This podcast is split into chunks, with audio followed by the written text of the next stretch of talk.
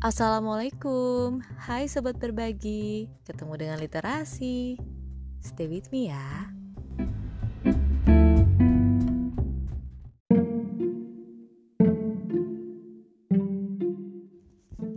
Hari ini aku mau berbagi sedikit isi dari buku Ahmad Rifai Rifan yang judulnya The Perfect Muslimah.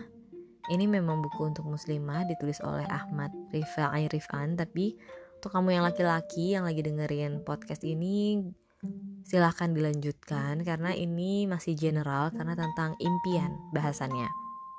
Di halaman 104 ini ada satu paragraf yang penting isinya adalah jadilah lilin yang rela melelehkan dirinya demi menerangi sekitarnya. Ia tak peduli lagi dengan tanda kutip kesenangan dirinya yang ia tahu ia sangat bahagia ketika mampu bermanfaat bagi sekitarnya. Ia sangat berbahagia ketika bisa berkontribusi lebih bagi sekitarnya. Ini adalah salah satu alasan penulis salut banget sama para pahlawan. Naluri cintanya itu benar-benar total. Jangankan harta, nyawa pun gak segan dikasih. Kenapa kok jadi bahas pahlawan setelah lilin ya? Jadi lilin ini diibaratkan manfaat yang ada di diri manusia. Manfaat ini nanti hubungannya sama mimpi atau impian.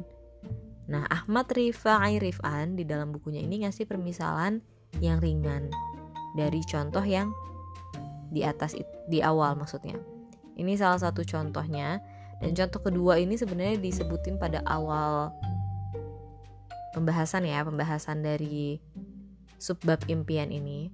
Jadi ada seseorang yang dulunya mengalami kesulitan untuk melanjutin sekolah ataupun untuk belajar karena miskin dan nggak ada fasilitas untuk belajar baca gitu selain di sekolah. Udah nggak bisa sekolah karena miskin otomatis terputuslah dan akhirnya dia nggak bisa ngelanjutin lagi belajar. Salah satunya itu membaca. Nah akhirnya dia ngerasa itu kayak uh, keresahan dan dendamnya dia untuk ini nggak boleh lagi nih ada orang yang ngerasain apa yang aku rasain jadi alhamdulillah dia diberikan kemampuan sama Allah ketika dia udah dewasa dia adalah Mbak Kisnawati, seorang penjual jamu yang hanya lulusan SD tapi punya impian yang besar. Dia itu pengen sekali punya perpustakaan gratis dan sekolah gratis. Karena kecintaannya pada buku bikin dia keliling setiap hari naik sepeda dan minjemin buku-buku punyanya ke anak-anak kecil di desanya.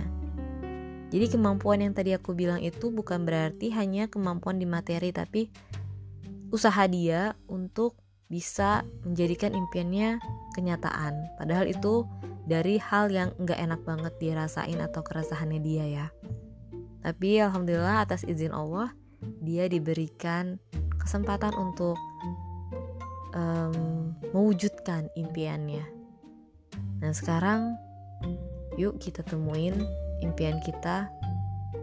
Terus dijaga Supaya bisa jadi lilin yang bermanfaat sekalipun dia habis Tidak berbekas. Tapi hangatnya tetap terasa.